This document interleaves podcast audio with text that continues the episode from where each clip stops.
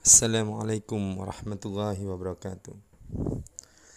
Allah Subhanahu wa taala berfirman di dalam surah Al-Anfal ayat kedua sampai ayat keempat. A'udzu billahi minasyaitonir rajim. Innamal mu'minuna alladziina idza dzukirallahu wajilat qulubuhum wa idza tuliyat 'alaihim ayatuhu zadatuhum imana wa 'ala rabbihim yatawakkalun alladzina yuqimuna as-salata wa mimma razaqnahum yunfikun ulaika humul mu'minuna al-haqqa lahum darajatun 'inda rabbihim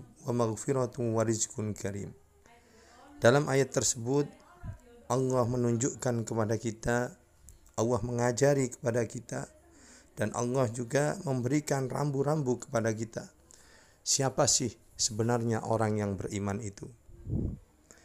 Di dalam ayat tersebut ada ciri-ciri orang yang beriman yang disebutkan oleh Allah Subhanahu wa taala.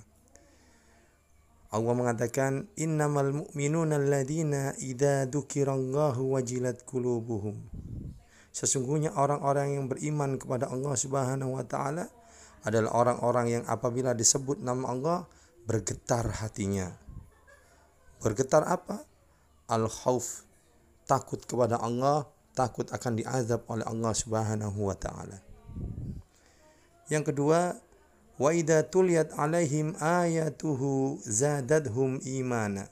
Apabila dibacakan ayat-ayat Allah, maka bertambah keimanannya kepada Allah Subhanahu wa taala. Kemudian yang ketiga, wa ala rabbihim yatawakkalun dan hanya kepada Allah mereka bertawakal. Tawakal yang sebelumnya dibarengi dengan ikhtiar yang maksimal. Alladzina yuqimuna salata dan ciri berikutnya adalah mereka orang-orang yang mendirikan salat. Wa mimma razaqnahum yunfikun lalu dari sebagian harta mereka diinfakkan di jalan Allah Subhanahu wa taala. Ulaika humul mu'minuna al-haqqa lalu Allah memberikan pengakuan kepada mereka mereka lah sesungguhnya orang-orang yang beriman sebenar-benarnya. Lahum darajatun inda rabbihim.